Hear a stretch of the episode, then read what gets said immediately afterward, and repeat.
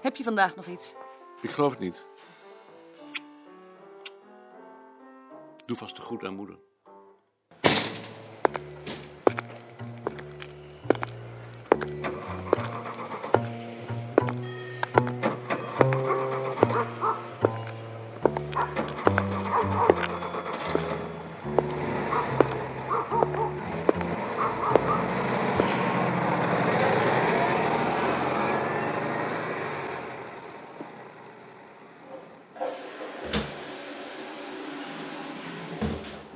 Dag koning, Dag meneer Wigbold.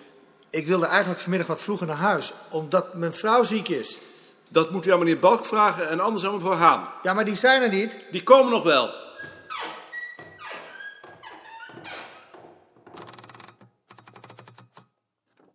Commissie.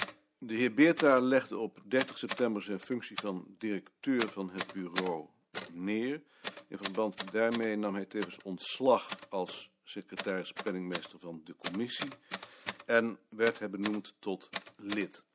In zijn plaats werden als penningmeester de nieuw benoemde directeur Dr. J.C. Balk en als secretaris het hoofd van de afdeling Volkscultuur de heer Koning aangewezen.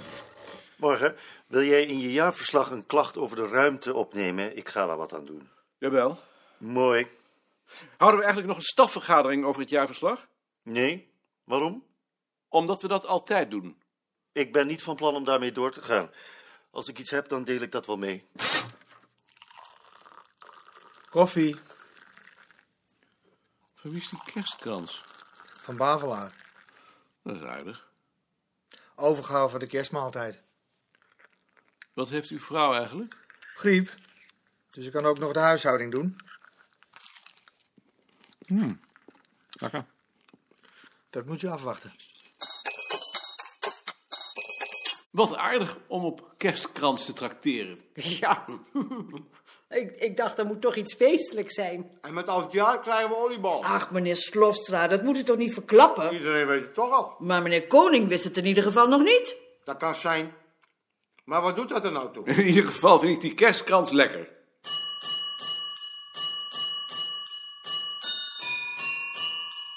Met mevrouw Koning? Ha, Oh, ben je daar? Is Beerta er niet? nee. Is moeder er al? Ja, we komen net binnen. Dag Maarten. Doe moeder de groeten. U moet de groeten hebben. De groeten terug. Je moet de groeten terug hebben. Dank je. Wat ben je aan het doen? Het jaarverslag. Schiet het op? Nog niet erg. Maar je kunt toch zeker gewoon het jaarverslag van het vorig jaar overschrijven? Nee, dat kan niet. Het moet anders. Waarom moet alles toch altijd anders? Ja, zo ben ik nu eenmaal. We hebben een stukje kerstkrans gehad. Van Balk? Nee, van juffrouw Bavelaar. Oh, ik dacht al. Dat zou wel gek zijn. Griezelig bijna. Ja. Mag ik Maarten ook even? Moeder wil je ook even spreken. Dag Maarten. Dag moeder. Zou je zoet zijn? Dat was ik wel van plan. Mooi zo. Hebt u een goede reis gehad?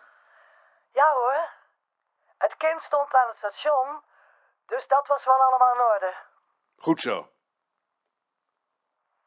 Het kind wou je ook nog even spreken. Dag. Dag moeder. Daar ben ik weer. Heb je verder nog iets? Nee. Verder heb ik niets. Nou, dag. Dag. In zijn plaats werd als penningmeester de nieuw benoemde directeur Dr. J.C. Balk en als secretaris het hoofd van de afdeling Volkscultuur de heer Koning aangewezen. Ben je aan het werk? Ja, nou ga je gang. Ik heb er nog eens over nagedacht, maar ik ben bereid het bedrag voor één vetbol aan de actie voor de vogels bij te dragen. Niet omdat ik het ermee eens ben, maar omdat ik het zo aardig van meneer Slofstra vind dat hij er zo moeite voor doet. Reken dat dan maar met hem af. Maar jij hebt er toch ook aan bijgedragen? Jawel, maar anders wordt het zo ingewikkeld en Slofstra heeft minder dan ik. Goed, dat zal ik dan doen.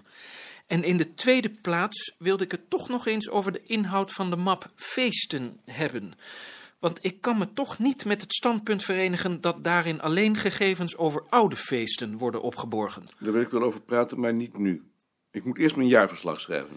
Want als je alleen gegevens over oude feesten opbergt, dan win je straks geen informatie over nieuwere feesten, zodra die voor ons werk van belang zijn geworden. Dat worden ze niet, omdat hun verspreiding tegenwoordig heel anders gaat. Dat zou ik dan toch eerst nog wel eens bewezen willen zien. Goed, we zullen het erover hebben, maar eerst mijn jaarverslag. In principe is er namelijk geen verschil tussen een oud en een nieuw feest. Nee, maar eerst mijn jaarverslag. Dan houd ik zo lang die knipsels nog maar even apart. Goed. Ik wil met je rijden langs de rozenrood, maar je mag niet schreeuwen. Ik ben immers bij je en je bent al groot en je bent al groot. Balk maakt er bezwaar tegen dat ik nog nieuwjaarskaarten verzend, nu ik hier niet meer werk. Omdat ze dan niet weten wie hier directeur is. Ja, zoiets denk ik. Hoe moet dat nu? Want ik krijg nog wel nieuwjaarskaarten en die zal ik toch moeten beantwoorden. Eh, hoeveel verstuurt u er anders altijd? Toch wel tachtig, misschien wel honderd. Ik zit nog in allerlei commissies natuurlijk en die kaarten van het bureau zijn daar nu juist zo handig voor.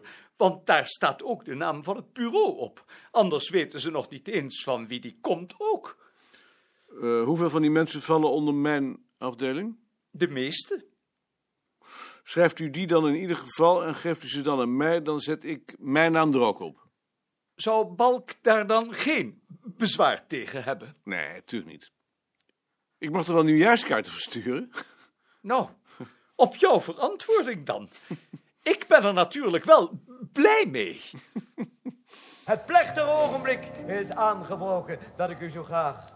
Dames en heren, kinderen en kleuters.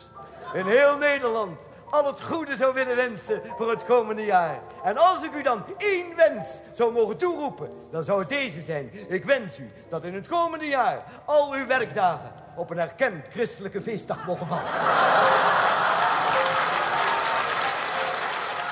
1966. Ik heb een tekening gemaakt voor je verjaardag. Wat leuk. Kijk eens. De slak van Frans. Vind je hem leuk? Ik vind hem ontzettend leuk. Verdomd knap. Die appelschil ook. Houdt hij van a- appelschillen? Ja, appelschillen vindt hij lekker. Wil je koffie? Ja, graag.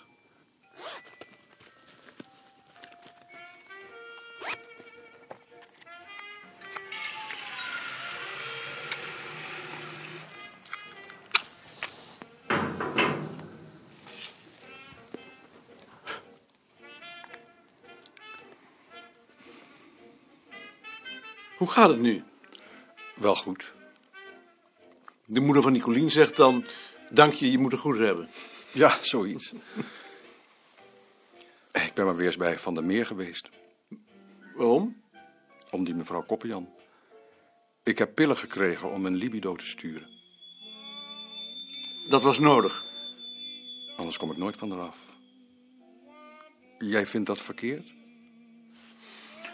Ach, verkeerd. Als ik geen pillen neem, zit ik de hele dag naar te denken. Het zien van een fiets brengt me al in de war. Als ik een schrijfmachine hoor, word ik helemaal gek. En als ze één woord tegen me zegt, loop ik daar de hele dag mee rond te draaien. En als je zo'n pil neemt, dan heb je dat niet. Nee. Hoewel, laatst had ik een pil genomen en toen heb ik toch nog half en half afgesproken om met z'n tweeën een tuin te nemen. En dan heb ik meteen weer allemaal fantasieën over s'nachts samen slapen en zo.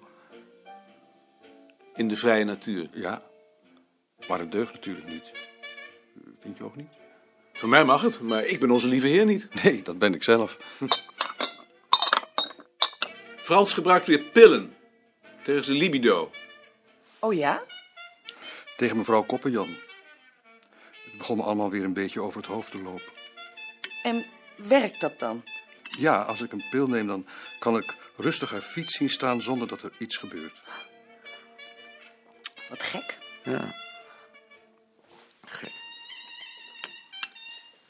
Ach, als het nou helpt, dan heb ik daar niet zulke problemen mee. Ik was al van plan om me anders maar weer ziek te melden. Ziek melden, is ook zoiets. Ja, daar ben jij tegen, hè? We hebben nu een conciërge, die meldt zich ieder ogenblik ziek. En als hij zelf niet ziek is, dan wil hij vroeger naar huis omdat zijn vrouw ziek is.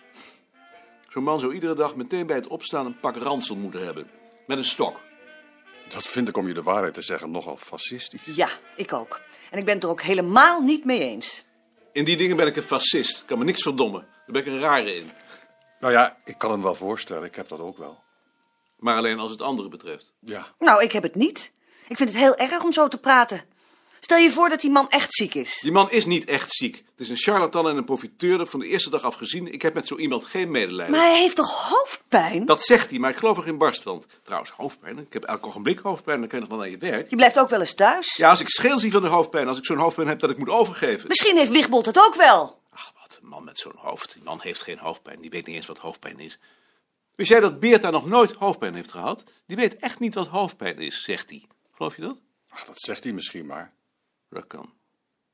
Zoals hij ook zegt dat hij nooit vakantie neemt. Het Beerta-fascisme. Misschien moet je wel heel leeg zijn om geen hoofdpijn te hebben. Ja. Ik heb ook nog geprobeerd om een oor te tekenen. Van jezelf? Nee, van mevrouw Koppenjan. Waarom een oor? Hebben jullie dat dan niet? Dat je belangstelling hebt voor oren? Ik geloof het niet. Je hebt zo weinig variatie in oren. Ze kunnen uitstaan, zoals bij Klaas. Ze kunnen ook nog gekreukt zijn. Lange lellen. Geen lellen. Maar dan houdt het toch wel op. Ze typeren niet erg. Nee, dat bedoel ik niet. Ik bedoel de sensatie bij het zien van een oor, het gevoel van verrassing. Want eigenlijk is een oor iets heel vreemds.